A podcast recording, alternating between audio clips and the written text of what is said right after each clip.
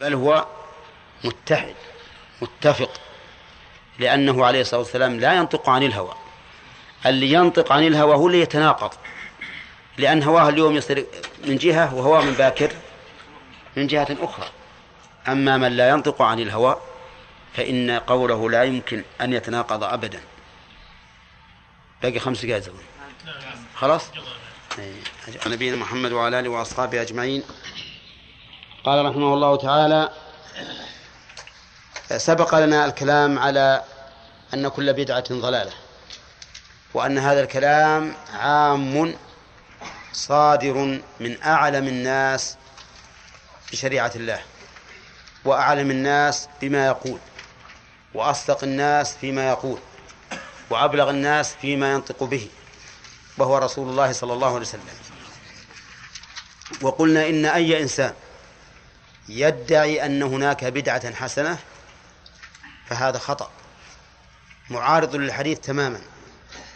وأن هذه الدعوة إن صحت فإنه فإنما تحمل على أن ما ظنه بدعة ليس ببدعة أو على أن ما ظنه حسنا ليس بحسن.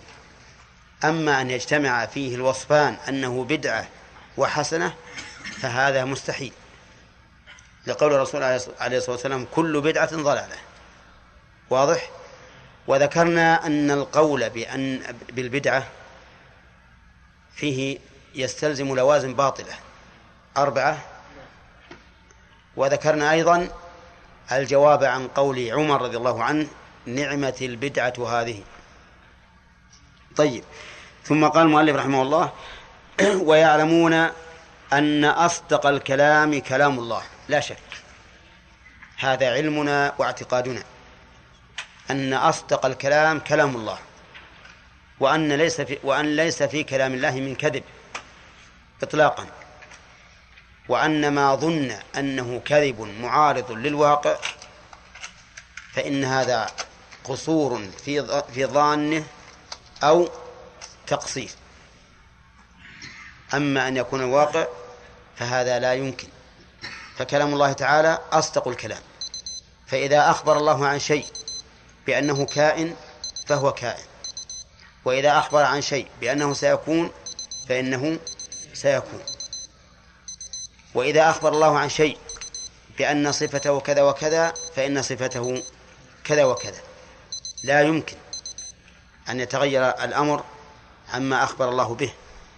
ومن ظن التغير فكما قلت فإنما ظنه خطأ لقصوره أو لتقصيره إما أنه قاصر لا يفهم كيف يجمع بين الواقع وبين كلام الله وإما أنه مقصر لم يحقق في المسألة ولم يتأمل ولم ينظر.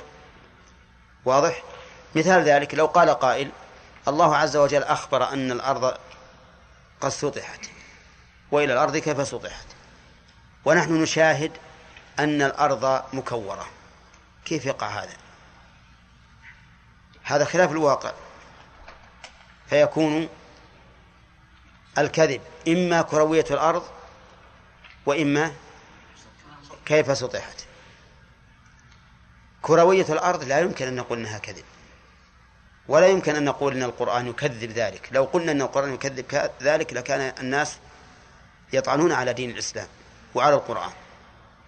إذن الخطأ في إيش؟ في الفهم. الخطأ في الفهم.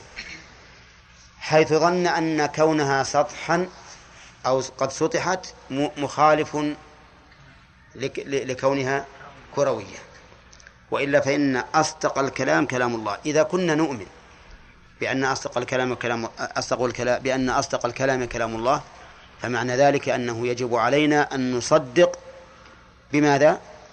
بكل ما أخبر الله به في كتابه سواء كان ذلك عن نفسه أو كان ذلك عن مخلوقاته فالواجب علينا أن نصدق بكل ما أخبر الله به في القرآن لأن القرآن أصدق الكلام حتى لو فرض أن أعيننا شاهدت أمرا يخالف القرآن مخالفة صريحة فإن أعيننا عليها غشاوة كاذبة لأن أصدق الكلام كلام الله عز وجل.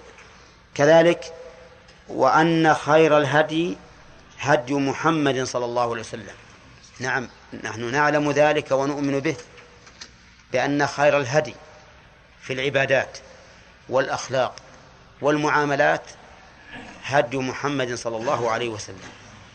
وأن هدي محمد صلى الله عليه وسلم ليس بقاصر ليس بقاصر لا في حسنه وتمامه وانتظامه وموافقته لمصالح الخلق ولا في أحكام الحوادث التي لم تزل ولا تزال تقع إلى يوم القيامة. فإن هدي محمد كامل تام فهو خير الهدي أهدى من من أي شريعة كانت.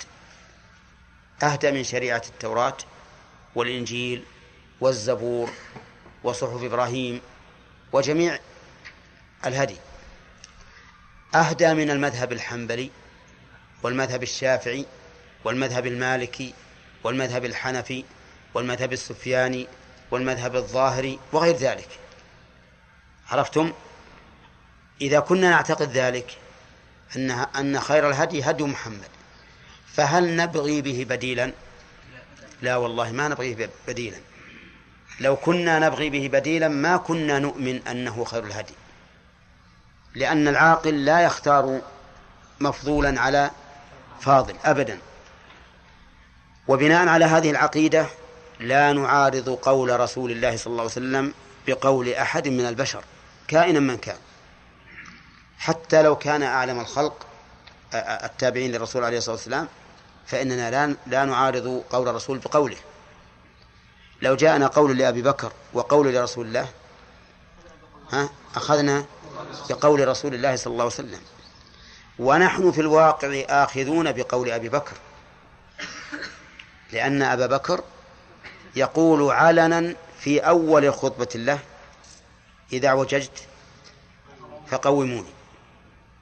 ومعلوم أن خلاف ما قول الرسول عوج فإذا نحن إذا خالفنا قول أبي بكر لقول رسول الله صلى الله عليه وسلم نحن موافقون في الواقع لقول أبي بكر. أليس كذلك؟ بلى. طيب. لكن نلتمس العذر لقول أبي بكر رضي الله عنه إذا علمنا أنه مخالف تماما لقول رسول الله صلى الله عليه وسلم. ولكن انتبه قد تظن أن قول أبي بكر مخالف لقول الرسول ولكنه ليس مخالفا له وإنما الخطأ في فهمك لقصورك أو تقصيرك. ولهذا اصحى أن تقول إن قول أبي بكر مخالف لقول الرسول صلى الله عليه وسلم أو تتعجل بذلك لأنك قد تكون تدعي علما وقد غاب عنك علوم. قل للذي يدعي في العلم معرفة عرفت شيئا وضاق وضاعت عنك أشياء. ولكننا ولكننا قلنا ذلك على ضرب على ضرب المثل. وضربنا المثل بأقرب الأمة قولا إلى الصواب وهو أبو بكر. لأنه لو جاء قول لأبي بكر مخالف لقول الرسول صلوات الله وسلامه عليه لرددنا قول أبي بكر. مع أن هذا لو تأملته لوجدته مستحيلا. وإنما المسألة مسألة فرضية فقط لأجل أن يتبين لك أن ما دون أبي بكر بمراحل إذا خالف قوله قول الرسول صلى الله عليه وسلم فإنه من باب أولى أن يطرح ولا ولا يعارض به قول رسول الله صلى الله عليه وسلم. طيب على أي أساس بنوا هذا الاعتقاد؟ على أي أساس بنوا هذا الاعتقاد؟ على الكتاب والسنة. قال الله تعالى ومن أصدق من الله حديثا. من أصدق؟ استفهام بمعنى النفي. وقال النبي عليه الصلاة والسلام وهو يخطب الناس على المنبر خير الحديث كتاب الله وخير الهدي هدي محمد صلى الله عليه وسلم. وهذا هو الواقع. ولهذا تجد الذين اختلف تجد الذين اختلفوا في في الهدي إما مقصرون أو إما مقصرين عن شريعة الرسول وإما غالين فيها يعني بين متهاون وبين متشدد بين مفرط وبين مفرط. وهدي الرسول صلى الله عليه وسلم يكون بين هذا وهذا. والله موفق. رب العالمين والصلاة والسلام على نبينا محمد وعلى آله وأصحابه أجمعين. سبق أن أهل السنة والجماعة يعلمون أن أصدق الكلام كلام الله ويعتقدون كذلك أولا يعتقدون أن أصدق الكلام كلام الله والصدق مطابقة الواقع. فأشد ما يكون مطابقة الواقع هو كلام الله عز وجل. لأنهم يعلمون أن أصدق الكلام كلام الله. وسبق لنا أنه إن وجد في الحس ما يتعارض ظاهرا مع القرآن الكريم فهذا يعود إلى قصور الواهم أو إلى تقصيره وأن حقيقة الأمر أنه لا تعارض. نعم. طيب. وسبق أيضا أن أهل السنة والجماعة يعلمون أن خير الهدي هدي محمد صلى الله عليه وسلم ويعتقدون ذلك أيضا أن خير الهدي هدي محمد والهدي هو الطريقة والسنة التي عليها النبي صلى الله عليه وسلم. فهدي الرسول عليه الصلاة والسلام خير الهدي. لا يوجد هدي خيرا من هديه. مهما اجتمع الناس على أن يضعوا قوانين أو دساتير خيرا من هدي الرسول عليه الصلاة والسلام فإنهم لا يستطيعون إلى ذلك سبيلا. طيب قال ويؤثرون كلام الله على غيره من كل على غيره من كلام أصناف الناس. يؤثرون يعني يقدمون. كلام غ... كلام الله على كلام غيره من سائر أصناف الناس في الخبر والحكم. فأخبار أخبار الله عندهم مقدمة على خبر كل أحد. فإذا جاءتنا أخبار إسرائيلية عن أمم مضت وصار القرآن يكذبها فإننا نكذبها. مثال ذلك اشتهر عند كثير من المتأرخين من المؤرخين أن إدريس قبل نوح. أن إدريس عليه الصلاة والسلام قبل نوح. وهذا كذب. ليس إدريس قبل نوح. لأن القرآن يكذبه إنا أوحينا إليك كما أوحينا إلى نوح والنبيين من بعده. وإدريس من النبيين كما قال الله تعالى واذكر في كتاب إدريس إنه كان صديقا نبيا ورفعناه مكانا عليا إلى أن قال أولئك الذين أنعم الله عليهم من النبيين من ذرية من, من ذرية آدم ومن من حملنا مع نوح. إذن هذا كذب لأن كلام الله أصدق من هذا الكلام.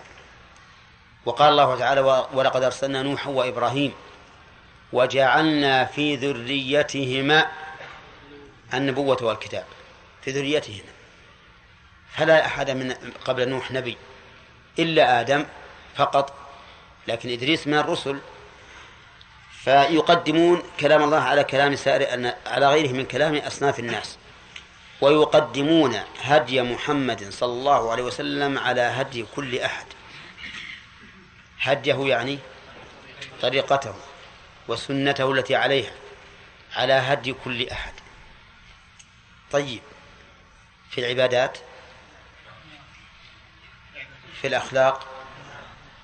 في المعاملات؟ في الأحوال؟ في كل شيء؟ طيب. إذا كانوا يقدمون كلام الرسول صلى الله عليه وسلم على كل أحد في العبادات ولكن في المعاملات يأخذون بأنظمة فلان وفلان فهل هم من أهل السنة والجماعة؟ أبدا. ليسوا من أهل السنة والجماعة بل وليسوا من المسلمين فضلا عن كونهم من أهل السنة والجماعة. لأن الرسول صلى الله عليه وسلم رتب أحوال أمته وشؤونها من ألفها إلى يائها. وما بقي لأحد أن يتخلل هذه الشريعة. نعم طيب. يقول ولهذا سموا أهل الكتاب والسنة. سموا أهل الكتاب والسنة نسبة إلى الكتاب والسنة لتصديقهما والتزامهما وإيثارهما على غيرهما. فهم والله أهل الكتاب والسنة. ومن خالف الكتاب والسنة وادعى أنه من أهل السنة والجماعة من أهل الكتاب والسنة فهو كاذب. لأن من كان من أهل شيء لا بد أن يلزمه.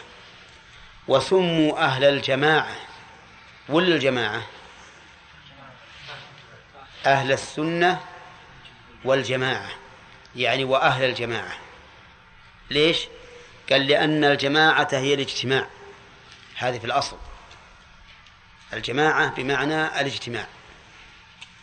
فهي إذن اسم مصدر. اجتمع يجتمع اجتماعا وجماعة. فالجماعة هي الاجتماع.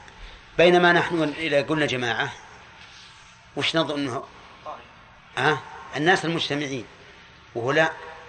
في اللغة جماعة أي اجتماع. الليلة عندنا جماعة. ها؟ يعني اجتماع. هذا هو الأصل في اللغة. ولهذا قال رحمه الله و وإن كان لفظ الجماعة قد صار اسما لنفس القوم المجتمعين. قد صار اسما. باستعمال ثاني ولا باستعمال الأول؟ استعمال ثاني. نعم باستعمال ثاني صار اسما للقوم المجتمعين. يقال لهم جماعة. طيب العبارة المعروفة أهل السنة والجماعة. الجماعة وش معطوفة عليه؟ خطأ. على سنة على سنة. يعني أهل السنة وأهل الجماعة. ولهذا المؤلف يقول سموا أهل الكتاب والسنة وسموا أهل الجماعة. ما قال سموا الجماعة؟ قال سموا أهل الجماعة. كيف أهل الجماعة وهم جماعة؟ يقول لا الجماعة في الأصل الاجتماع. فأهل الجماعة يعني أهل الاجتماع. واضح؟ لكن نقل اسم الجماعة إلى القوم المجتمعين. نقلا عرفيا نقل عرفيا. كما نقلت اسم شاة من الظأن والمعز إلى الأنثى من الظأن طيب. يقول والإجماع والإجماع هو الأصل الثالث الذي يعتمد عليه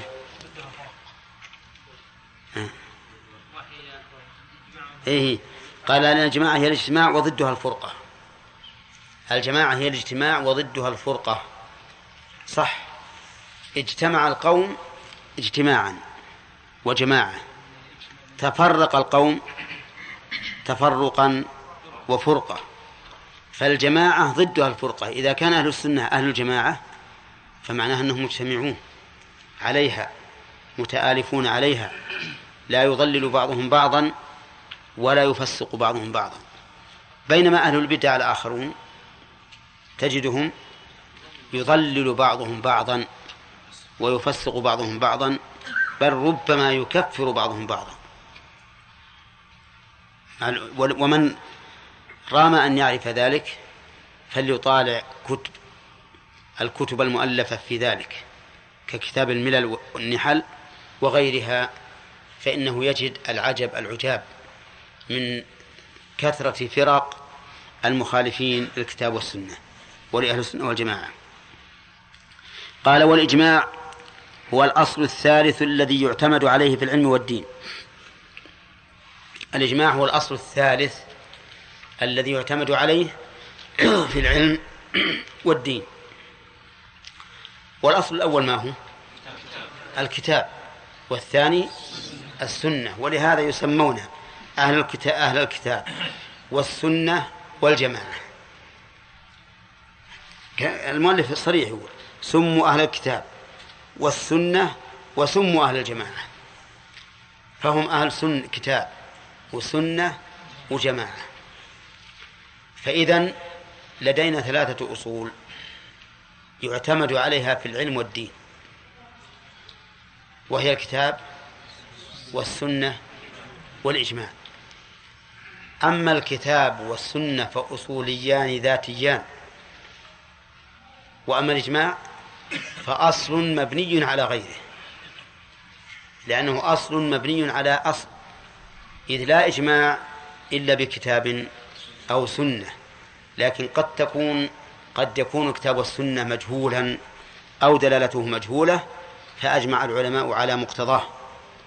إنما لا بد للإجماع من أصل.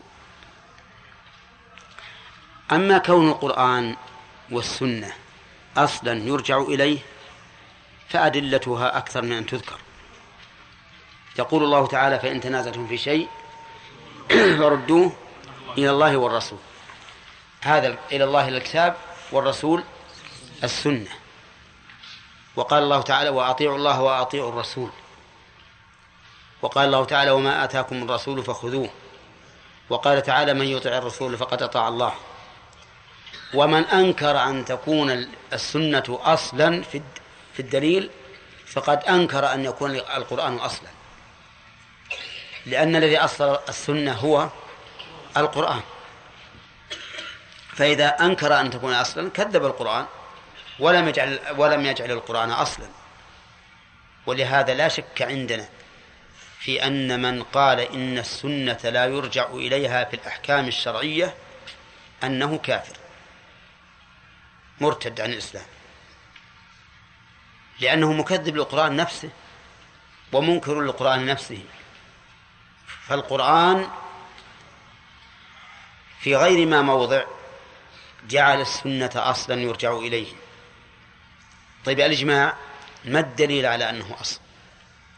فيقال أولا هل الإجماع موجود ولا غير موجود؟ قال بعض العلماء لا إجماع موجود إلا على ما فيه نص فيستغنى بالنص عن الإجماع. لأنك لا يمكن تجد إجماعا محققا إلا على شيء فيه نص. إلا على شيء فيه نص. مثلا لو قال قائل العلماء مجمعون على أن الصلوات الخمس فرض. صحيح ولا لا؟ صحيح. ولكن فيها نص ولا ما فيها؟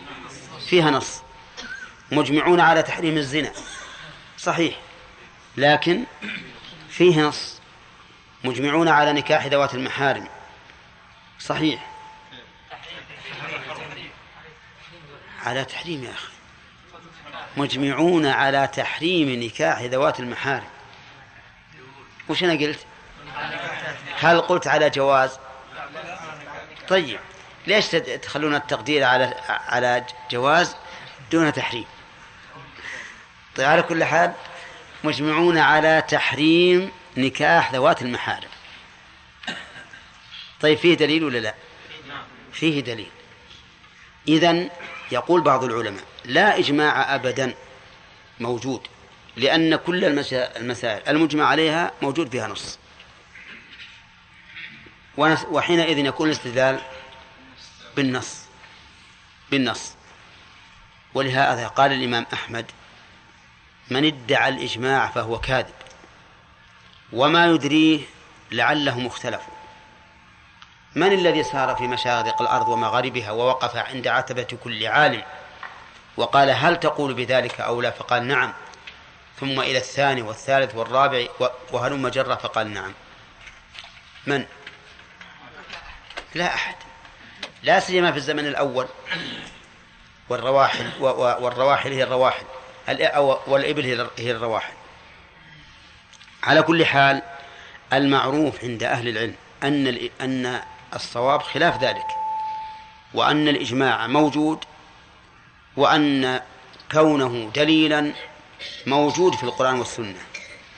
فمن ذلك قوله تعالى يا أيها الذين آمنوا أطيعوا الله وأطيعوا الرسول وأولي الأمر منكم فإن تنازعتم في شيء فردوه إلى الله والرسول. فإن قوله إن تنازعتم فردوه يدل على أنكم إن اجتمعتم فهو حق. ولا حاجة إلى أن تردوه الكتاب والسنة لأنه لأن لأن إجماعكم دليل. ومن ذلك قوله ومن يشاقق الرسول من بعد ما تبين له الهدى ويتبع غير سبيل المؤمنين. ها؟ ومن يشاق الرسول من بعد ما تبين له الهدى ويتبع غير سبيل المؤمنين. نوله ما تولى ونصليه جهنم وساءت مصيرا فقال ويتبع غير سبيل المؤمنين. نوله ما تولى. واستدلوا أيضا بحديث لا تجتمع أمتي على ضلاله. فيها إجماع فإننا لا نحتاج إلى طلب الدليل من الكتاب والسنة لأن الإجماع نفسه دليل. ولكن أولئك الآخرون يقولون طيب من قال هذا إجماع؟ هل أنتم ذهبتم إلى كل مكان؟ وسألتم كل عالم. بس إحنا نقول معكم إذا وجد الإجماع فهو حجة لكن ما يوجد الإجماع أصلا. وممن ذهب إلى هذا المذهب؟ الشوكاني رحمه الله. فإنه قال لا إجماع ما فيه إجماع. ما من مسألة أجمع الناس عليها إلا وفيها إيش؟ دليل من القرآن والسنة. فنستغني به عن ذلك. لكن الجمهور كما قلت على أنه إجماع. قال وهو الأصل الثالث. على أنه دليل القصد. وهو وهو الأصل الثالث الذي يعتمد عليه في العلم والدين وهم يزنون بهذه الأصول الثلاثة. وهي الكتاب والسنة والإجماع جميع ما عليه الناس من أقوال وأعمال باطنة أو ظاهرة مما له تعلق بالدين. هم الضمير يعود إلى أهل السنة إلى أهل الكتاب والسنة والجماعة. يزنون بهذه الأصول الثلاثة جميع ما جميع ما عليه الناس. فكل ما عليه الناس من قول أو عمل باطن أو ظاهر لا يعرفون أنه حق إلا إذا وزنوه بماذا؟ بالكتاب والسنة والإجماع. فإن وجد له دليل منها فهو حق. وإن كانت على خلافه فهو باطل. ثم قال رحمه الله والإجماع الذي ينضبط ما هو هو ما كان عليه السلف الصالح إذ بعدهم كثر الاختلاف وانتشرت الأمة. كلام شيخ الإسلام رحمه الله كلام وسط. يقول الإجماع الذي ينضبط هو ما كان عليه السلف الصالح. والظاهر أنه يريد بذلك القرون الثلاثة. الصحابة والتابعون وتابعوهم. ليش؟ ذكر قال لأن لأن لأنه بعد هؤلاء السلف كثر الاختلاف لكثرة الأهواء لأن الناس تفرقت أهواؤهم ولم يكونوا كلهم يريدون الحق فاختلفت الآراء. وتنوعت الأقوال. أيضا يقول انتشرت الأمة. وش معنى انتشرت؟ تفرقت من أقصى المغرب إلى أقصى المغرب بينما هم كانوا في جزيرة العرب فقط. انتشروا في مشارق الأرض ومغاربها وصارت الإحاطة بهم فضلا عن الإحاطة بأقوالهم من أصعب الأمور. بل ربما تكون من من المتعذر. فشيخ الإسلام رحمه الله كأنه يقول من ادعى الإجماع بعد القرون بعد السلف الصالح وهم القرون الثلاثة فإنه لا يصح دعواه الإجماع. لأنهم لأن الإجماع الذي ينطبق ما كان عليه السلف الصالح.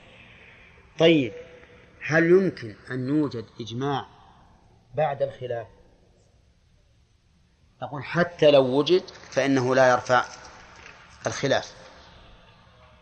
الخلاف لا يرتفع بوجود الإجماع بعده. طيب وهل يوجد خلاف بعد تحقق الإجماع؟ لا. لأنه لا يمكن لأحد أن يخرج عن الإجماع. إذن حدوث الخلاف بعد الإجماع ها غير ممكن ولا يقبل. لأن الإجماع دليل ما يمكن معارضته. فلا يمكن خلاف بعده. حدوث إجماع بعد الخلاف. ها؟ حدوث إجماع بعد الخلاف. يمكن ولا لا؟ يمكن. لكن هل يعتبر إجماعا؟ الصحيح أنه لا يعتبر إجماعا.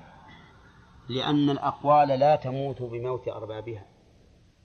فالخلاف الذي ثبت هو باقي.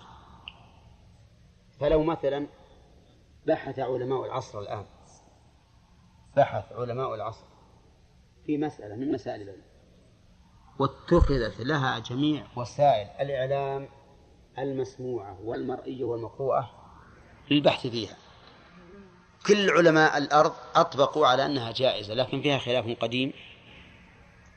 هل يكون هذا الإجماع ناسخا لما قبله؟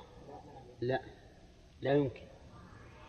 لأن الأقوال لا تموت بموت أربابها فيكون كأن المخالفين كأنهم الآن موجودون. كأنهم معا وهم مخالفون لنا. فإن قال قائل ألا يحتمل أنهم لو كانوا موجودين وبحثت معهم المسألة لا رجعوا؟ نقول هذا يحتمل. لكن يحتمل أن لا يرجعوا وأن يأتوا بأدلة توجب أن هؤلاء المجمعين ها؟ ينقضون إجماعهم. أليس كذلك؟ إذا خلوهم لا لهم ولا عليهم. لا تقولون يحتمل أن هؤلاء يغيرون آراءهم ويرجعون؟ ويرجعون؟ ولا أن هؤلاء الذين ماتوا يكون لديهم قوة حجة وبيان يرجع بها هؤلاء عن إجماعهم. اجعلوا المسألة هؤلاء باقون على خلافهم وهؤلاء باقون على إجماعهم. نعم. نعم. الإجماع السكوتي ليس بحجة. ليس بحجة لأنه قد يكون هناك عذر عن إبداء المخالفة. لكن لا شك أنه إذا انتشر في قوم في في وقت يكون فيه الباب مفتوحا لحرية الرأي نعم فإنه يكون دليلا على أنه شبه إجماع لكن ما نجزم بأنه إجماع وكثيرا ما يستدل بعض الفقهاء رحمه الله يقول ولأن هذا قول انتشر فلم ينكر فكان إجماعا. هذا هو الإجماع السكوتي لكنه في الحقيقة ما يستطيع الإنسان أن يجزم بأنه حجة لأن الإنسان لو نوقش لو نوقش يمكن يختلف رأيه. كما تفهمون أنتم الآن الآن أنتم يستقل في قولكم في في نفوسكم رأي لكن لو أحد ناقشكم لربما ها؟ لربما رجعتم وتغير رأيكم. أي نعم. نعم خالد. ها؟ إيه هذا لأن بعض العلم بعض العلماء رحمهم الله لا يعدون خلاف الظاهرية خلافا. وبعضهم لا يعدون خلاف الرافضة خلافا. فيقول من يعتد بقوله من أهل العلم.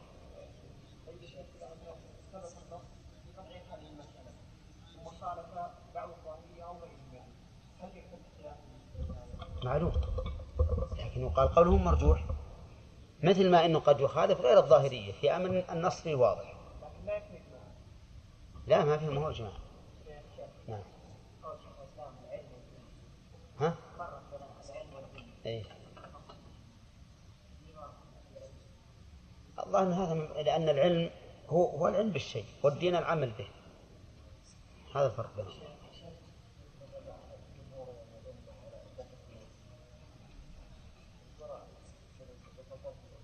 إيه. إيه نعم.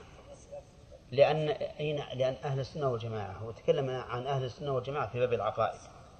وكل باب العقائد مستندة على الخبر المحض. ما فيها قياس. ولا نعم القياس ثابت لكن في الأحكام الفقهية. أما الأحكام العلمية ما فيها قياس. نعم.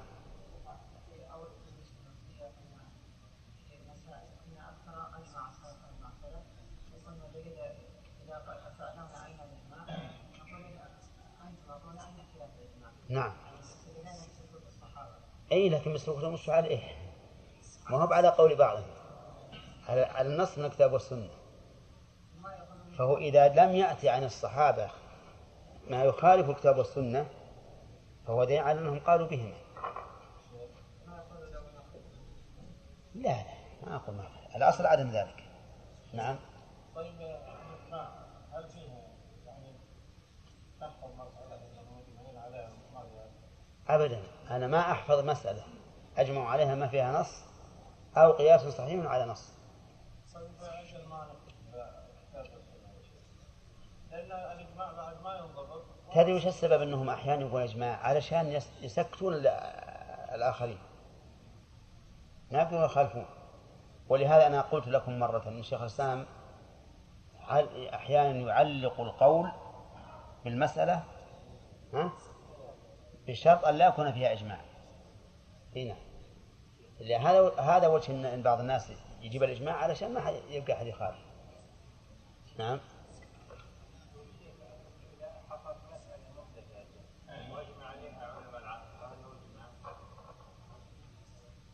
وش تقولون في هذا؟ وقعت حادثة ما ما ما سبقت. هذه الحادثة التي أجمعوا عليها لا بد أنهم بنوها. بنوها على نص أو قياس. لبدا ما تلقى إلا مبنية على نص أو قياس. نعم؟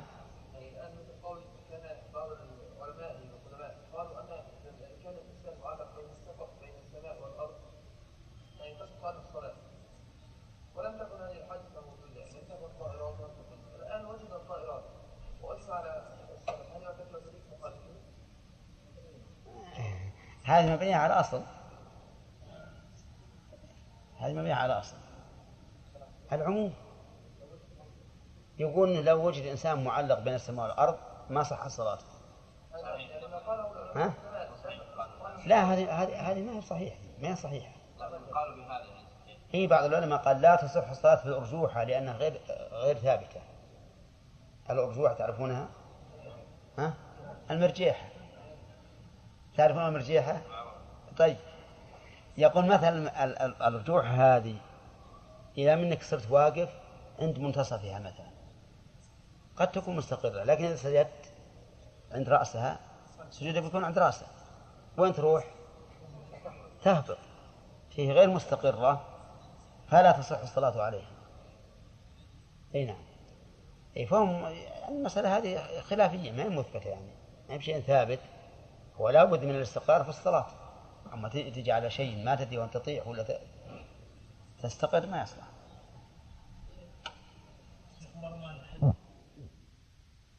وعلى آله وأصحابه أجمعين. سبق لنا أن الإجماع هو الأصل الثالث الذي يعتمد عليه في الدين والعلم وأن الأصل الأول الكتاب والثاني السنة.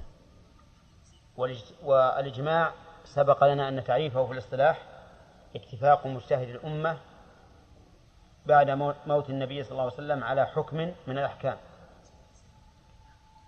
اتفاق المجتهدين. وأما المقلدون فلا عبرة بوفاقهم وخلافهم لأنهم تبع لمن قلدوه.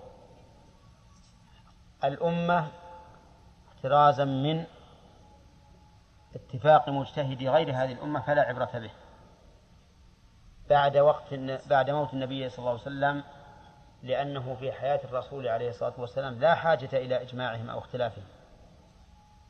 العبرة الحجة في في إيش؟ في فيما أقره النبي عليه الصلاة والسلام أو قاله أو فعله. وسبق أن الإجماع الذي يمكن ضبطه ما كان في عهد السلف الصالح. أما بعدهم فقد انتشر الخلاف وكثر الخلاف وانتشرت الأمة فلا عبرة به. ثم قال فصل ثم هم مع هذه الأصول يأمرون بالمعروف وينهون عن المنكر. هم أي أهل السنة والجماعة مع هذه الأصول السابقة التي ذكرها في الفصل الذي قبل هذا وهو اتباع آثار الرسول عليه الصلاة والسلام واتباع الخلفاء الراشدين واتباع إجماع المسلمين مع هذه الأصول يأمرون بالمعروف وينهون عن المنكر. المعروف كل ما عرفه الشرع وأقره من العبادات فهم يأمرون به لأن هذا هو ما أمر الله به في قوله ولتكن منكم أمة يدعون إلى الخير ويأمرون بالمعروف وينهون عن المنكر. وكذلك قال النبي عليه الصلاة والسلام لتأمرن بالمعروف ولتنهون عن المنكر ولتأخذن على يد الظالم ولتأطرنه على الحق أطرا. فهم يأمرون بالمعروف ولا يتأخرون عن ذلك. ولكن يشترط للأمر بالمعروف والنهي عن المنكر أن يكون على ما توجبه الشريعة وتقتضيه الشريعة. وذلك بشروط. الشرط الأول أن يكون عالما بحال المأمور. عالما بحال المأمور. وعالما بفعله الذي يفعله. وعالما بأن هذا من المعروف أو هذا من المنكر. فلا بد من العلم بهذه الأشياء الثلاثة. عالم بماذا؟ بحال المأمور وعالما بفعله وعالما بما يقتضيه الشرع من هذا الفعل. فإن كان جاهلا فكيف يأمر؟ سواء كان جاهلا بحال المأمور أو جاهلا بفعله أو جاهلا بما تقتضيه الشريعة في هذا الفعل. إذا أراد أن يأمر بالصلاة فلا بد أن أن يعلم أن هذا الإنسان مما يؤمر بالصلاة وأنه لم يصلها ممن يؤمر بالصلاة وأنه لم يصليها أما أن يجد شخص بعد مضي برهة من الوقت فيقول صلي وهو لا يدري لعله صلى فهذا لا ليس من هدي الرسول عليه الصلاة والسلام. لأن النبي صلى الله عليه وسلم لما رأى رجلا دخل وهو يخطب وجلس قال له أصليت. فلما قال لا قال قم فصلي ولو أننا أردنا أن كل شخص نشاهده بعد مضي برهة من الزمن نقول صل لكان هذا مما يعد سفها في العقل. نعم لو رأيناه يمشي حول المسجد والناس يصلون ولم يكن أحد قد صلى من قبل بحيث نعرف أن الناس لا لم يمضي زمن يمكن أن يكون قد أدوا صلاة الجماعة فهنا نأمره بماذا؟ بصلاة الجماعة لأن مخالفته هنا ظاهرة كذلك لا بد أن يعلم أن هذا أن هذا الفعل قام به هذا الرجل وهذا في في مسألة المنكر فإن كنا فإن كنا لا نعلم أنه قام بهذا المنكر فلا ننهاه. وكيف ننهاه عن شيء لا ندري أفعله أم لم يفعله؟ وهذا يؤدي إلى تنافر المسلمين وتباغضهم واتهام بعضهم بعضا. فلا ننهى إلا عن شيء نعلم أن المنهي وقع فيه. الشرط الثالث أن يكون عالما بحكم الشرع في ذلك. فإن كان غير عالم فلا يجوز أن يأمر به إن كان يراه معروفا ولا أن ينهى عنه إن كان يراه منكرا. فلو أن أحدا أمر شخصا أن يصلي أول ليلة جم... أول ليلة أول جمعة من, من رجب ما يعرف عندهم بصلاة الرغائب. لقلنا هذا لا يجوز. لماذا؟ لأنه لم يعلم حكم الشرع فيه. لا بد أن يعلم بأن الشرع أمر في ذلك لو أمر شخصا أن يجهر بالنية عند الوضوء أو عند الصلاة أو عند الصوم أو عند الزكاة لقلنا هذا لا يجوز. حتى تعلم إيش؟ أن الشرع أمر به. لو أمر شخصا أن يجهر بالنية عند الوضوء أو عند الصلاة أو عند الصوم أو عند الزكاة. لقلنا هذا لا يجوز حتى تعلم إيش؟ أن الشرع أمر به. لأنك ما تدري هل هو معروف أو منكر إلا بعد العلم بحكم الشرع فيه. كذلك أيضا لو أنه رأى شخص شخصا يفعل أمرا لا يلائمه أي لا يلائم هذا المنكر فأنكره عليه. نقول هذا حرام عليه. أن تنهى عن شيء لن تعلم أن الشرع أنكره. يوجد بعض الناس يقول يحرم أن يسجل القرآن بأشرطة الكاسيت لأن ذلك إهانة للقرآن على زعمه. فينهى فينهى الناس أن يسجلوا القرآن على هذه الأشرطة. نقول هذا حرام عليك أن تنهاهم عن شيء لم تعلم أنه منكر. فلا بد أن نعلم بأن هذا منكر في دين الله عز وجل وإلا فلا ننهى عنه. طيب لو رأينا رجلا يتعبد بعبادة لم نعلم أنها مما أمر به ننهاه ولا لأن الأصل في العبادات المنع والحظر. ولو رأينا يفعل رجلا يفعل شيئا غير عبادة فهل ننهاه عنه؟ لا حتى نعلم أنه منكر لأن الأصل في غير العبادات الحل كذا ولا لا؟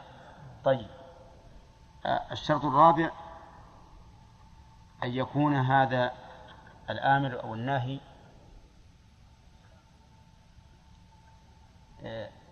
على رأي بعض العلماء هو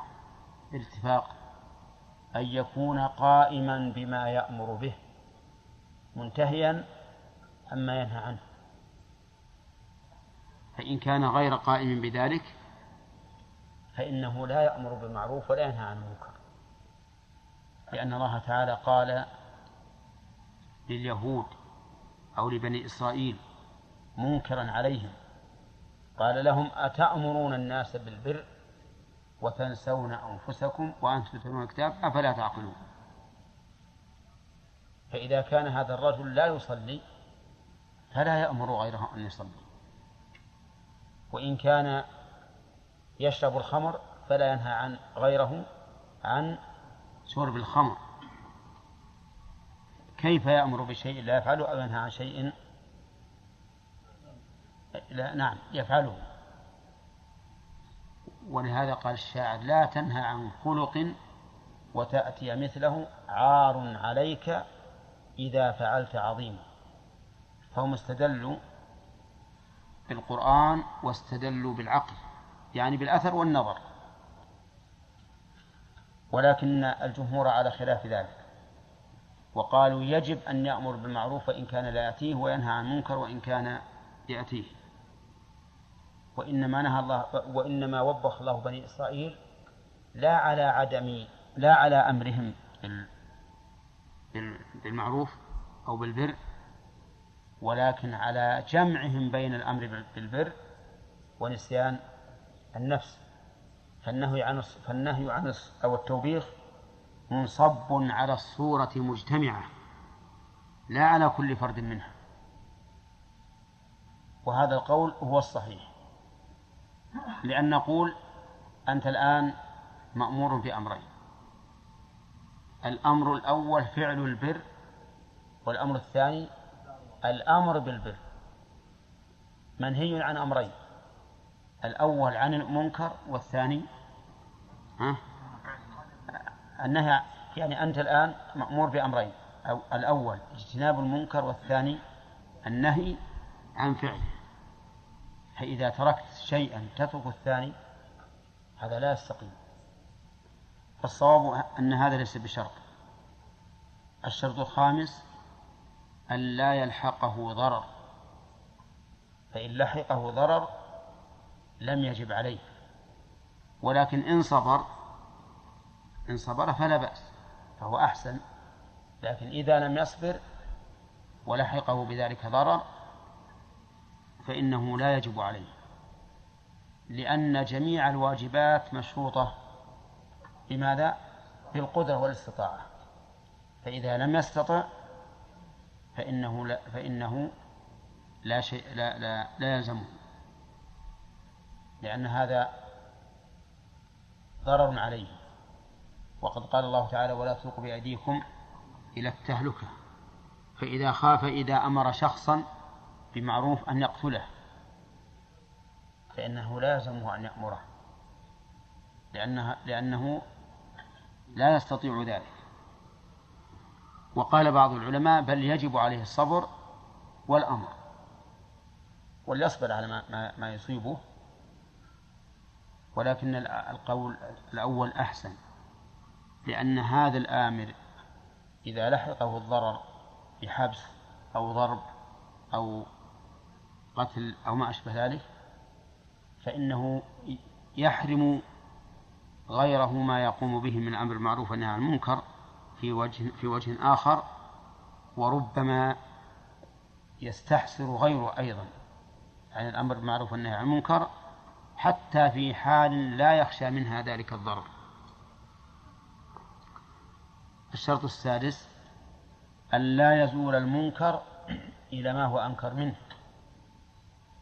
فإن زال المنكر إلى ما هو أنكر منه فإنه لا يلزمه بل لا يجوز له أن يأمر بالمعروف أو ينهى عن المنكر فإذا كان إذا أمر بمعروف مستحب أدى ذلك إلى معروف إلى ترك معروف واجب فهنا يأمر بالمستحب ولا لا؟ ها؟ لا يأمر يعني أراد أن يأمر شخصا بفعل إحسان لكن يستلزم فعل هذا الإحسان ألا ألا يصلي مع الجماعة. فهنا لا يجب الأمر بالمعروف هذا بل ولا يجوز لأنه يؤدي إلى ترك إلى ترك واجب. كذلك في المنكر. لو كان إذا نهى عن هذا المنكر تحول الفاعل المنكر إلى فعل منكر أعظم. فإنه في هذه الحال نعم لا يجوز أن ينهى عن هذا المنكر. دفعا لأعلى المفسدتين بأدناهما. ويدل لهذا قوله تعالى ولا تسبوا الذين يدعون من دون الله فيسبوا الله عدوا بغير علم. فإن سب آلهة المشركين لا شك أنه أمر مطلوب. لكن يترتب عليه أمر محذور أعظم من المصلحة التي تكون عند سب آلهة المشركين لأنهم يسبون الله تعالى وهو لا يستحق السب وإنما يسبونه عدوا بغير علم. ونحن نسب آلهتهم حقا بعلم لكن إذا كان هذا الحق بالعلم يؤدي إلى هذه المفسدة فإنه لا يجوز. فلو رأينا شخصا يشرب خمرا وشرب الخمر منكر فلو نهيناه عن شربه لذهب يسلق أموال الناس ويستحل أعراضهم بالزنا بنسائهم أو نحو ذلك فهنا ننهاه عن عن شرب الخمر ولا لا؟ ما ننهاه لماذا؟ لأنه يترتب عليه مفسدة أعظم هو يترك شرب الخمر ولكن يذهب يزني بنساء المؤمنين المحصنات المؤمنات أو يذهب يعتدي على الناس بأموالهم ودمائهم. فنقول هذا أهون مفسدة. والاقتصار على على أهون المفسدتين هذا هو الحكمة. طيب فصارت الشروط الآن كم؟ ستة شروط. ولهذا قال المؤلف على ما توجبه الشريعة. طيب هل يشترط أن لا يكون من أصوله؟ من أصول آمر النهي ولا لا؟ يعني أن لا يكون أباه أو أمه أو جده أو جدته. ها؟ لا يشترط. بل نقول ربما هذا يتأكد أكثر لأن من بر الوالدين أن أن يمنعهما عن فعل المعاصي. ولهذا قال الرسول عليه الصلاة والسلام انصر أخاك ظالما أو مظلوما. قال يا رسول الله هذا المظلوم فكيف نصر الظالم؟ قال تمنعه من من الظلم فذلك نصر. فأبوك وأمك إذا أمرتهما بالخير ونهيتهما عن الشر فإن ذلك من البر والإحسان إليهما وهو نصر لهما على أنفسهما. قد يقول أنا إذا نهيت أبي زعل يزعل ويغضب ويجرني فماذا أصنع؟ ها؟ نقول الزعل والغضب والهجر من حقك أنت. من حقك أنت. فاصبر على هذا الأذى الذي ينالك بغضب أبيك وزعله وهجره. اصبر عليه. والعاقبة للمتقين. قد يقول أنا مثلا لو قلت لأبي لا لا لا تشرب الدخان مثلا. لا تترك صلاة الفجر. أقم الصلاة. يزعل يقول أنت أنت هذا دين جديد هذا أنت مطوع مثلا وما أشبه ذلك. بل يقول بعضهم إذا أمرته بأمر بأمر ليس فيه مشقة عليه قال أنت متزمت. حتى اللي يأمر بالصلاة بعض الأحيان يقال له أنت متزمت. طيب وش كيف متزمت؟ اللي يأمر بالصلاة يقول متزمت. أنا ما أمرتك تحبس تنحبس في بيتك ولا تخرج. ولا أمرتك أنك تبقى دائما راكعا ساجدا. فأين التزمت على كل حال يوجد بعض الناس يشكو من هذا الأمر. يقول أنا إذا أمرت أبي بالطاعة الواجبة ما هي المستحبة؟ أو بترك الشيء المحرم لا المكروه. يزعل ويغضب ويهجرني نقول يجب عليك أن تأمره بذلك وأن تنهاه وهذا ليس بضرر. يعني هجره إياك أو غضبه عليك ليس بضرر. بل هو إيش؟ أذى. وفرق بين الأذى والضرر. ولهذا قال الله تعالى لن يضروكم إلا أذى. وقال إنكم لن تبلغوا ضري فتضروني مع أن الله قال إن الذين يؤذون الله ورسوله. فأثبت الأذية ونفى الضرر. فأنت الآن إذا هجرك أبوك أو غضب عليك فإن ذلك لا يضرك ولكن لا شك أنه يؤذيك. وإلا سوف تأكل وتشرب وتلبس وتعمل كل حاجاتك ولا يضرك هذا. نعم.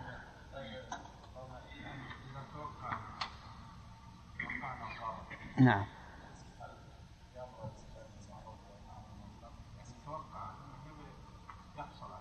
إذا كان هذا وهما فهذا لا لا لا يسقط الأمر بالمعروف والنهي عن المنكر. يعني معناه ظن ظن فقط. أما إذا كان معروفا بأن هذا الرجل يبطش بالذي يأمره وينهاه وأنه ربما يقتله أو يحبسه أو يسبي ماله نعم بعض الشباب يمكن يتضررون هذا المساجد. يعني نعم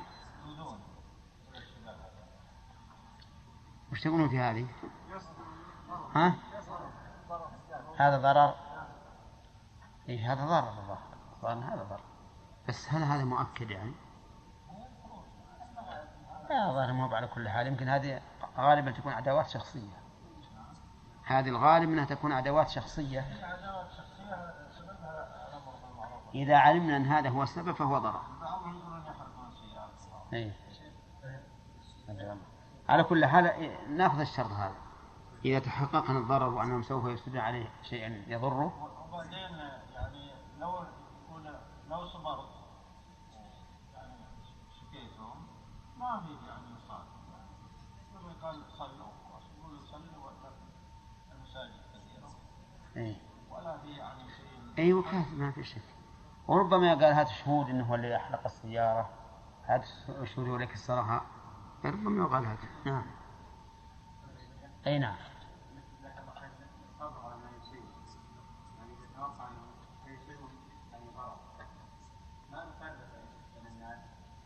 كيف؟ يزال المنكر ونهيه. نعم. مثل رحمه الله نعم. فلولا انه صبر لا اصاب الامه نعم. يعني هذا يؤدي مسألة الإكراه هذا إذا أكل الإنسان على فعل الشيء إذا أكل الإنسان على فعل الشيء أما مسألة إذا فعله غيره هو سوف يقول في المجالس مثلا هذا فعل محرم منكر. ولا ولا ينال أذى لأنه لأنه هو إذا تكلم في المجاز أن هذا منكر ما ينال هذا لكن إذا قال للشخص نفسه افعل كذا أو لا تفعل هو الذي يلحقه الضرر لا أما مسألة أما مسألة فعل الشيء بنفسه بأن يكره على فعل محرم. فهل نقول إن هذا الإكراه يباح له فعل محرم؟ كما أباح الله عز وجل الكفر. للمكره وهو أعظم المحرمات أو يقال في هذا تفصيل. من العلماء من يقول إنه هذا إنه مبيح لعموم قوله إلا من أكره وقلبه مطمئن بالإيمان. وأنك يجوز لك عند الإكراه أن تقول القول المحرم أو أن تفعل الفعل المحرم عند الإكراه. ولكن الصحيح التفصيل في هذا بأن يقال إذا كان فعل هذا المكره يؤدي إلى ضرر في الدين مو في نفسه في الدين فهذا لا يجوز. ولهذا أوجب الله الجهاد مع أن فيه عرضة لقتل النفس وإتلاف المال. فإذا كان فيه عرضة لخلل في الدين فإن الواجب على الإنسان أن يصبر كما ذكرت في المثال. الإمام أحمد لو قال في في حال ذلك الإكراه أن القرآن مخلوق لكانت الأمة كلها تقول هكذا. نعم. ها؟ لا أحد الناس لا بأس إذا أكرهوا على الشيء فإنه يسقط عليهم حكمه. يسقط عنهم حكمه. نعم. نعم. الأنبياء مأمورون بتبليغ الدعوة. ولو تعرضوا. ولهذا يقتلون. لأن يعني هذا هذا يعتبر تكليفا شخصيا لا بد منه. نعم. هذا الذي ينهى المنكر والمعروف ويعلم أنه سيصاب ضرر. هل يؤجر في هذا ولا يؤجر في إيش؟ إذا أمر بالمعروف ونهى منكر احتمل الضرر. الظاهر يؤجر يؤجر على ذلك. لكن الوجوب ما ما نوجب. فيؤجر على الأمر ويؤجر على الصبر في في الأذى. حتى لو اثر بعض الناس نعم. لو كان في سبب احصار لبعض الناس يخافوا ويدعوا كيف؟ يعني لو كان هذا يعني الضرر اللي أصابه لا على كل حال هذه إيه؟ هذا هو أحد العلل التي ذكرنا أنها أنه يسقط عنه الوجوب أن هذا قد يكون سببا لاستحسار غيره. فإذا علم فإذا علم أن هذا قد يكون ضررا لغيره فحينئذ قد نقول أن الأفضل أن تسكت حتى يكون مجال آخر. هذا لا لا هذا توقف عليه هو الآن مثلا في قرية أن هذا المنكر بقى منتشر عند الناس له السكوت الآن ما هو على كل حال السكوت ليس دليلا على أنها على أن الساكت راضي. يعني جاءت عنده مثلا يعني ما تعرضش لهذا الأمر لكن عرض أمامه نعم. إن تكلم سيضر أو يضر غيره أيضا. وإن سكت نعم. أصبح إجماع في هذه يعني مثلا قيل له احكم بهذا ولا إيش؟ موجود في مكان أو مكان يتحرون من هذا موجود وهذا لا يثبت في الغالب. يعني يجهر بالحق. فإن سكت أن هذا المهم هي القضية. أنا رأيت إنسانا مخلا بواجب. مخلا بواجب. أو فاعلا محرما. هل نقول إنه يجب عليك أن تذهب له وتقول ترى هذا منكر يجب أن تتركه؟ وهذا واجب تركته يجب أن تفعله. نعم. ولكن عليه ضرره. وفي هذه الحال لا يجب عليه. في هذه الحال لا يجب عليه. والناس لا يستدلون بسكوته على إباحته. يعني هذا العالم الذي سكت لا يستدلون بسكوته على إباحة هذا الفعل الذي فعله الآخر.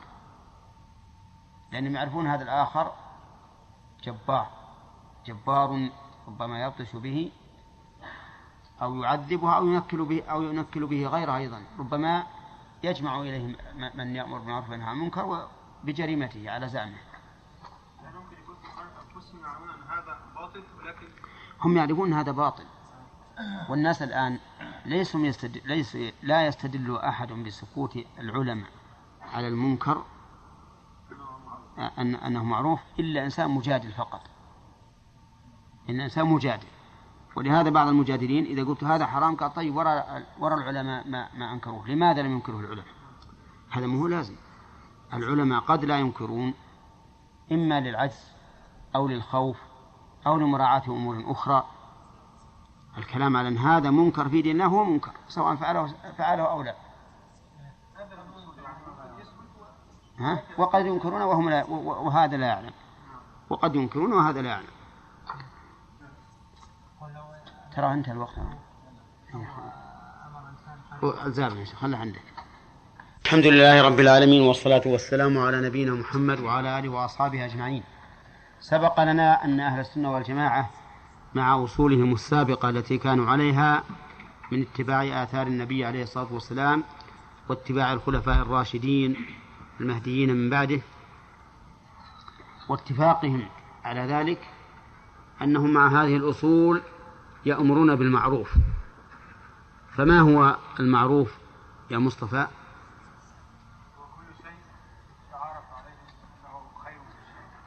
خطأ.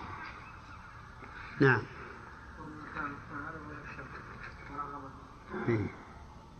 يعني إذا ما أمر به الشرع. يعني ممكن بعبارة أصل يعني واضحة. المعروف كل ما أمر به الشرع. والمنهي المنكر.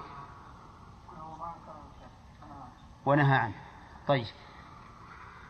آه الأمر بالمعروف والنهي عن المنكر له شروط. وجوب الأمر بالمعروف والنهي عن المنكر شروط. الأول يا عبد الرحمن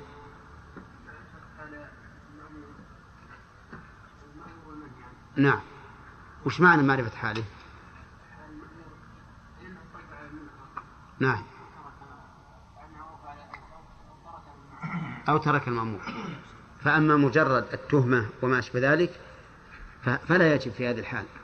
مجرد أن اتهمت أنه فعل منكر أو لم يقم بالواجب لا يجب عليك الأمر. لأن الله نهى عن التجسس. الشرط الثاني مجرد كراهة النفس له. بعض الناس إذا كره شيئا ذهب ينهى عنه. وهو لا يدري أنه منكر في الشرع. فلا بد من العلم بأن هذا مأمور به شرعا وهذا منهي عنه شرعا. يعني أنه معروف أو منكر. طيب الثالث؟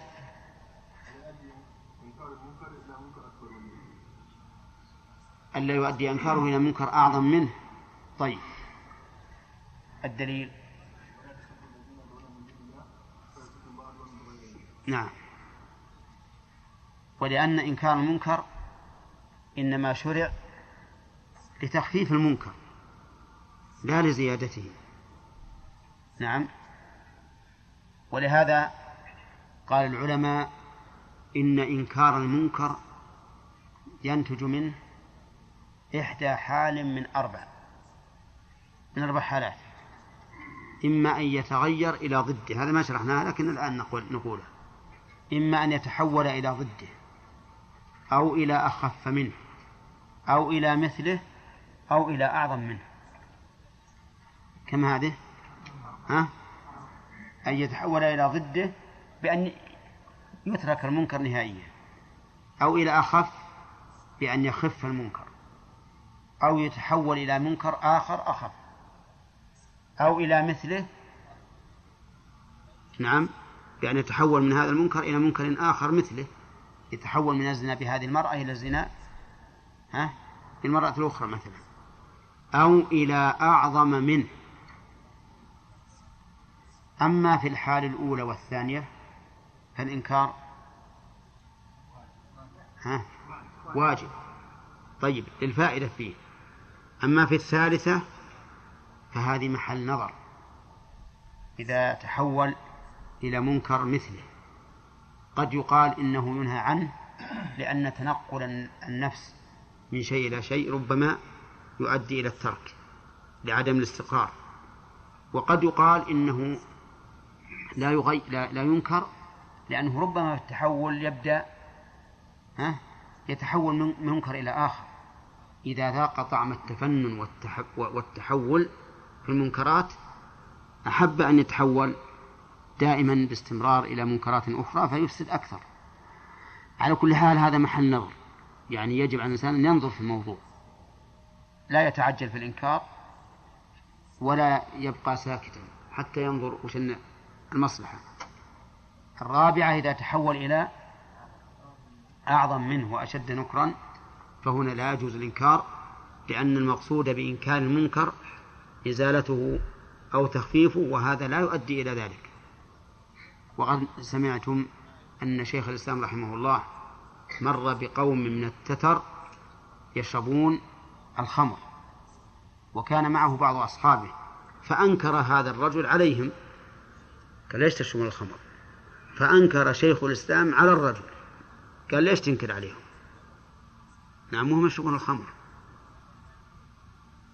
فقال له شيخ الإسلام إنما نهي عن الخمر لأنه يصد عن ذكر الله وعن الصلاة. وهؤلاء إذا نهيناهم عن الخمر أغريناهم بانتهاك أموال الناس وأعراضهم وقتلهم. وأيهما أعظم؟ ها؟ الثاني ولا الأول؟ الثاني. خلهم يشربون. لأن هذا شربهم ما هو بصادهم عن ذكر الله وعن الصلاة. ما هم مصلين. ولا ذاكرين الله. إنما يصدهم عن شيء أعظم منه يصدهم عن قتل الناس وهتك أعراضهم ونهب أموالهم. شوف الحكمة. طيب. هذا كم ذكر من شرط؟ أربعة. الخامس فهد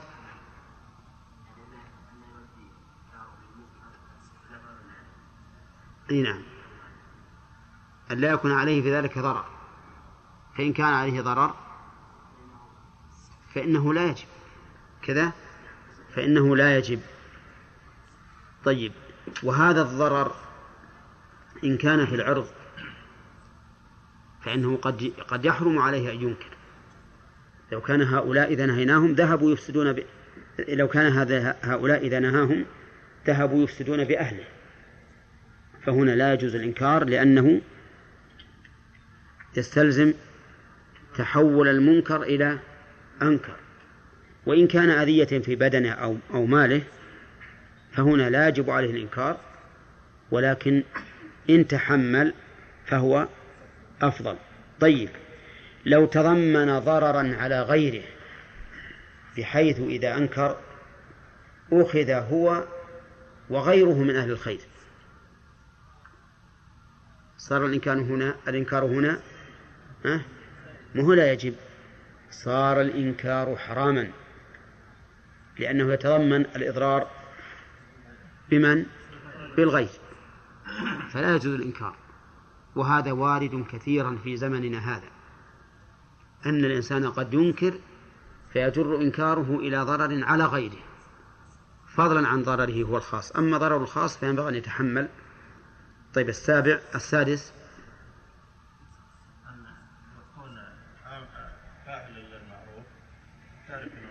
نعم. أن يكون هو فاعلا لما يأمر به تاركا لما ينهى عنه. وهذا محل خلاف بين العلماء والصحيح أنه أنه ليس بشرط وأن الإنكار واجب وإن كان الإنسان مخالفا لما قال. والأحادي والنصوص الواردة في ذم هذا لا تعني ذم الأمر ذم الأمر بالمعروف والنهي عن المنكر وإنما تعني ذم الحال مجتمع. أمر بالمعروف ونهى عن المنكر. إنما يقصد به ألا إيش؟ ألا نخالف. فنفعل ما نهينا عنه ونذر ما أمرنا به. وبين المعنيين فرق فرق كبير. السابع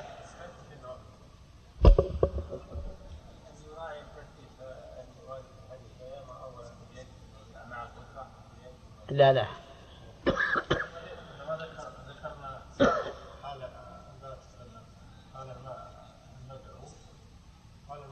نعم.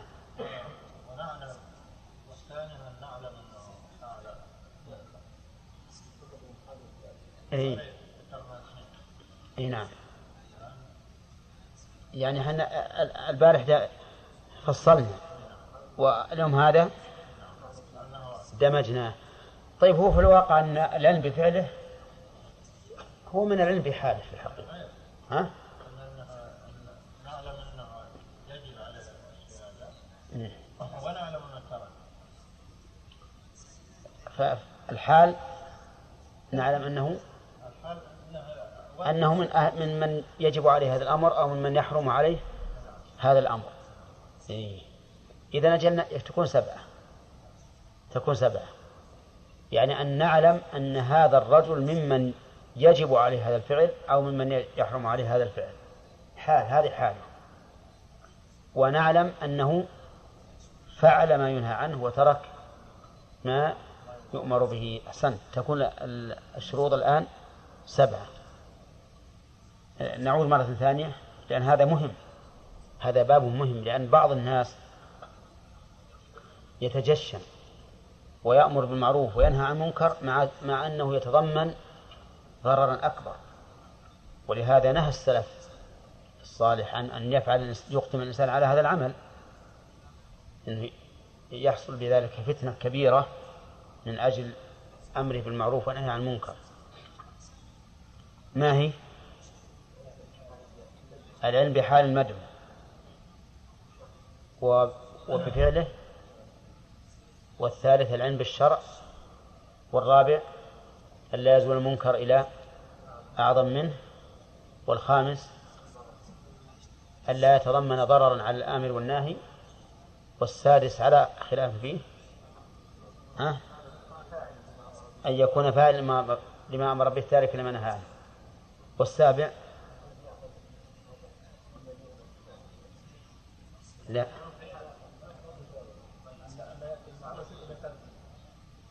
سبحان الله. عندكم موجود مكتوب هذا.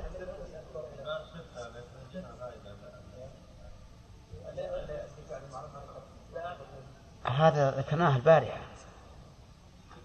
هي ستة ولا سبعة؟ ستة. ليش الليلة صار سبعة؟ يمكن زي بعد يكونوا ثمانية.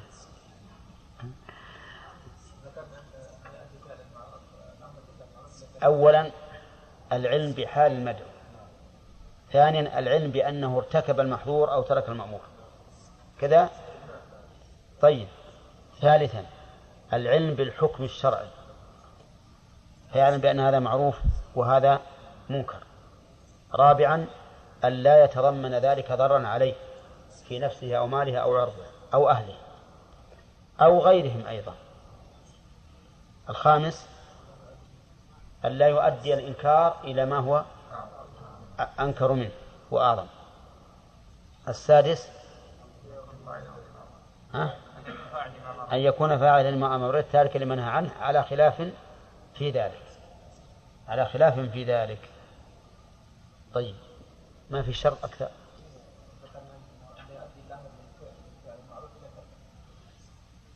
كيف؟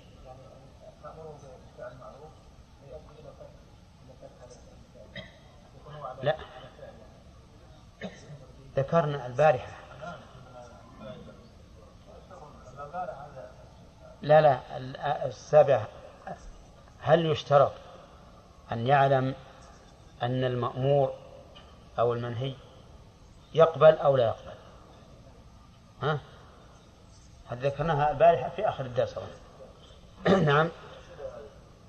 أي نعم. هل يشترط أن يعلم قبول المأمور والمنهي أو لا؟ نعم. لا ما يدخل لا. يرى بعض العلماء أنه إذا علمت أنه لا يقبل.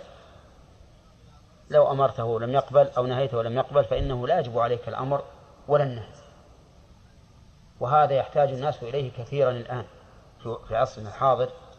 كل الناس مثل يعرف أن حلق اللحية حرام. نعم لو أمرته به لم يقبل. لو أمرته بعدم الحلق يعني أو لو, لو نهيته عنه عن الحلق لم يقبل. لأنه يعرف فهل يسقط هنا النهي لأن نعلم أنه لا يقبل أو لا يسقط لأن لأن سكوتنا قد يؤدي إلى كثرة الناس الفاعلين لهذا المنكر وقد يستدل بالسكوت على أنه ليس بمنكر. فنحن نعظهم إعذارا وإنذارا. في هذا خلاف بين أهل العلم. منهم من قال إنه لا يجب في هذه الحال أن تأمر هذا الشخص أو تنهاه لأنه مهم مطيع. وهذا قد يقال بالنسبة للشخص المعين إنه لا يجب عليه الشخص المعين. اللي أمرته مثل عدة مرات ولكن لم يفعل. نهيته عدة مرات ولكن لم ينتهي. فهذا قد يقال لا حاجة إلى التكرار لأن الرجل لو أراد أن يمتثل أمرك أو ينتهي عن نهيك لفعل. وحملوا على ذلك وحملوا هذا على قول الرسول عليه الصلاة والسلام إذا رأيت شحا مطاعا وهوى متبعا ودنيا مؤثرة وإعجاب كل ذي رأي برأيه فعليك بخاصة نفسك ودع عنك أمر العوام. وهذا الحديث وإن كان ضعيفا لكن له شواهد. واستدلوا بقوله تعالى فذكر إن نفعت الذكرى يعني فإن لم تنفع فلا حاجة للتذكير. والظاهر لي أن في هذا تفصيلا وهو أنه إن كان هذا بالنسبة لشخص معين نهيته ولم ينتهي أو أمرته ولم يأتمر فلا يجب عليه. لأنه تكرار بلا فائدة. بل هو بل يحصل لك شبه تهكم. من هذا الرجل وسخرية ولعب عليك. تقول له يا أخي لا تحلق لحيك يا أخي صل مع الجماعة إيش الله يعيننا على ذلك. كل ما قلت له قال الله يعين على ذلك. وهو يكذب. لأنه ما استعان بالله على فعل هذا الشيء. المأمور ولا على ترك هذا الشيء المحظور. لكن يقوله لك نعم أمامك فقط. أما على سبيل العموم فلا. بل يجب عليك لأنك ربما يكون هذا الرجل ما نهي عن منكره ولا أمر بمعروفه. فهذا يجب عليك أن تنكر عليه. فالمسائل العامة المشهورة الظاهرة التي لا تخفى على أحد كل الناس يعرفها وكل الناس مأمور بها ولكن ما هم طيب وأما المسائل الخفية فهذه تختلف إن كان شخصا معينا أمرته ثم أمرته ثم أمرته ولكن لم ينفع لم يفعل فلا حاجة إلى تكرار الأمر بخلاف العموم. والإمام أحمد رحمه الله عنه في ذلك روايتان. رواية أنه يجب الإنكار والأمر نفع أو لم ينفع. ورواية ثانية أنه إذا ظن عدم النفع فإنه لا يجب الأمر بالمعروف ولا النهي عن المنكر. والمهم أن هذا الأمر أن هذا الباب باب مهم ينبغي الاعتناء به والنظر في أقوال أهل العلم لئلا يأثم الإنسان من حيث لا يشعر بترك الواجب عليه. قال رحمه الله تعالى ثم ويرون إقامة الحج والجهاد والجمع عندي أنا إمامة الحج. والصواب إقامة الحج. ويرون إقامة الحج والجمع الحج والجهاد والجمع والأعياد مع الأمراء أبرارا كانوا أو فجارا. رحمهم الله. أهل السنة يخالفون أهل البدع تماما. فيرون إقامة الحج مع الأمير وإن كان من أفسق عباد الله. وكان الناس فيما سبق يجعلون على الحج أميرا كما جعل النبي صلى الله عليه وسلم أبا بكر أميرا على الحج في عام تسع من الهجرة. وما زال الناس على ذلك يجعلون الحج أميرا قائدا يدفعون بدفعه ويقفون بوقوفه. وهذا هو المشروع لأن المسلمين يحتاجون إلى إمام يقتدون به يقتدون به. أما كون كل إنسان على رأسه فإنه يحصل فوضى واختلاف كما هو الواقع الآن. هم يرون إقامة الحج مع مع الأمراء وإن كانوا فساقا. حتى وإن كانوا يشربون الخمر في الحج. يرون إقامة الحج معهم. لا يقولون هذا إمام فاجر لا نقبل لأنهم يرون أن طاعة ولي الأمر واجبة وإن كان فاسقا بشرط أن لا يخرج فسقه أن لا يخرجه فسقه إلى الكفر البواح الذي عندنا فيه من الله برهان فهذا لا طاعة له. ويجب أن أن يزال عن ولاية المسلمين بقدر المستطاع. لكن الفجور الذي دون الكفر مهما بلغ فإن الولاية ثابتة والطاعة واجبة في غير المعصية. خلافا للخوارج الذين يرون أنه لا لا طاعة للإمام والأمير إذا كان عاصيا لأن من قاعدة من قاعدتهم أن الكبيرة تخرج من الملة. وخلافا للرافضة الذين يقولون إنه لا إمام وأن الأمة الإسلامية منذ غاب من يزعمون أنه الإمام المنتظر ليست على إمام. وليست تبعا لإمام. بل هي تموت ميتة جاهلية. من ذلك الوقت إلى اليوم. تموت ميتة جاهلية. لأن من مات وليس في رقبته بيعة الإمام مات وميتته ميتة جاهلية. ويقولون إنه لا إمام إلا الإمام المنتظر. ولا جهاد ولا حج مع أي أمير كان لأن الإمام لم يأتي بعد. لكن أهل السنة والجماعة يقولون نحن نرى إقامة الحج مع الأمراء سواء كانوا أبرارا أو فجارا. إقامة الجهاد مع الأمير. ولو كان فاسقا ها؟ نعم ولو كان فاسقا. يقيمون الجهاد مع أمير لا يصلي معهم الجماعة لكن يصلي في رحله. وهو ما يصلي الجماعة. إذا أمرهم بالأمر تجب عليهم طاعته ولا لا؟ تجب. أهل السنة والجماعة يرون هكذا. وين الناس الآن؟ يروحون أميرهم ما يصلي مع الجماعة؟ الناس يصلون وهو يلعب الشطرنج مع قومه. وإذا قضوا من الشطرنج قاموا يصلون. يعتقدون هذا أميرا ولا لا؟ إي نعم يعتقدون هذا أميرا. لأنه ما ما صل ما ترك الصلاة. لكنه عصى بترك الجماعة وعصى بفعل المنكر بالشطرنج مع أن الشطرنج فيه خلاف بين العلماء. يعني الحقيقة قد تتعجبون كيف تصل حال أهل السنة والجماعة إلى هذا الحد؟ وتقول وين الغيرة عندهم؟ لكن أهل السنة والجماعة لهم بعد نظر. يرون أن المخالفات في هذه الأمور تجر إلى فتن عظيمة. ما الذي فتح باب الفتن والقتال بين المسلمين؟ ولا اختلاف في الآراء. إلا الخروج على الأئمة. منذ قتل عثمان رضي الله عنه والأمة متفرقة. ليس في الصراع الدموي بينها بل حتى في الصراع الفكري والعقدي. نشأت الفرق والخوارج والمعتزلة والجهمية والروافض وغير ذلك من البدع فتفككت الأمة. لهذا كان أهل السنة والجماعة يرون أن وجوب إقامة الحج والجهاد مع الأمراء وإن كانوا إيش؟ وإن كانوا فجار طيب لو كانوا زناة ها؟ إيه نعم. لو فرض أن أميرهم يخلو بالمرأة في خيمته ويزني بها ويطلعها لكن ما أعتقد حل الزنا فإنه أمير أمير وتجب طاعته. ولكن هذا يعني أن أهل السنة والجماعة لا يرون أن فعل الأمير منكر. أه لا.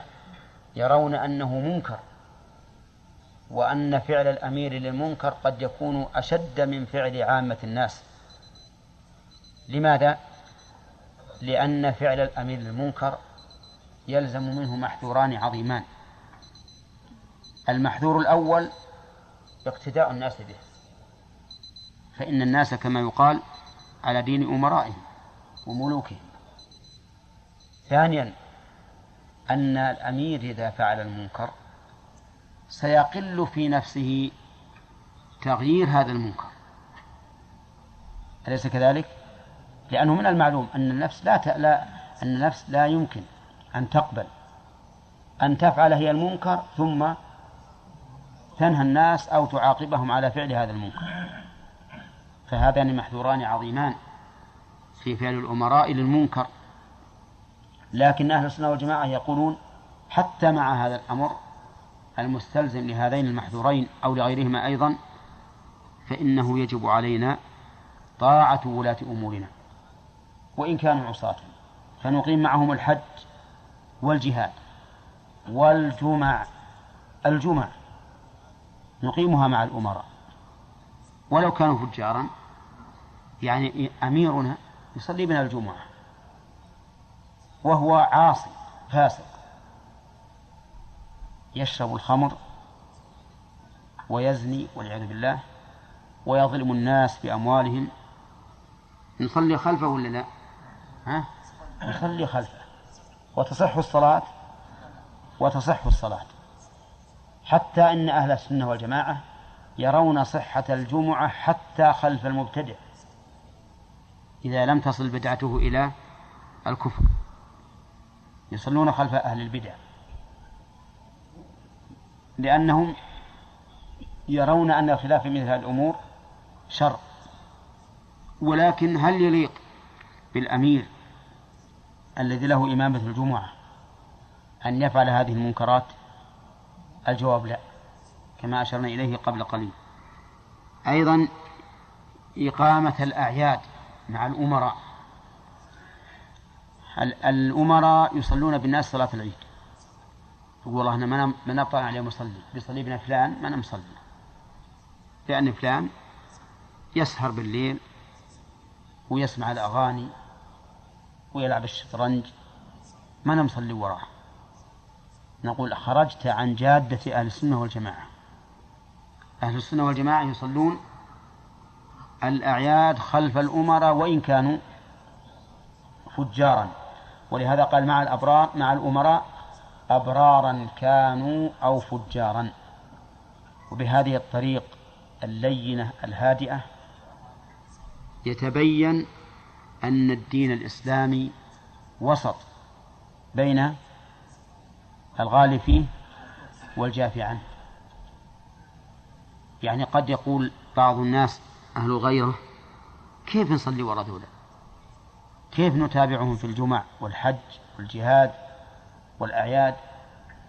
نقول نعم لأنهم أئمتنا وندين لهم بماذا؟ بالسمع والطاعة امتثالا لأمر الله. يا أيها الذين آمنوا أطيعوا الله وأطيعوا الرسول وأولي العلم منكم. ولتخلفنا عن متابعتهم. وعن الائتمام بهم في هذه في هذه الأشياء لشققنا عصا الطاعة. وشق عصا الطاعة ليس بالأمر الهين.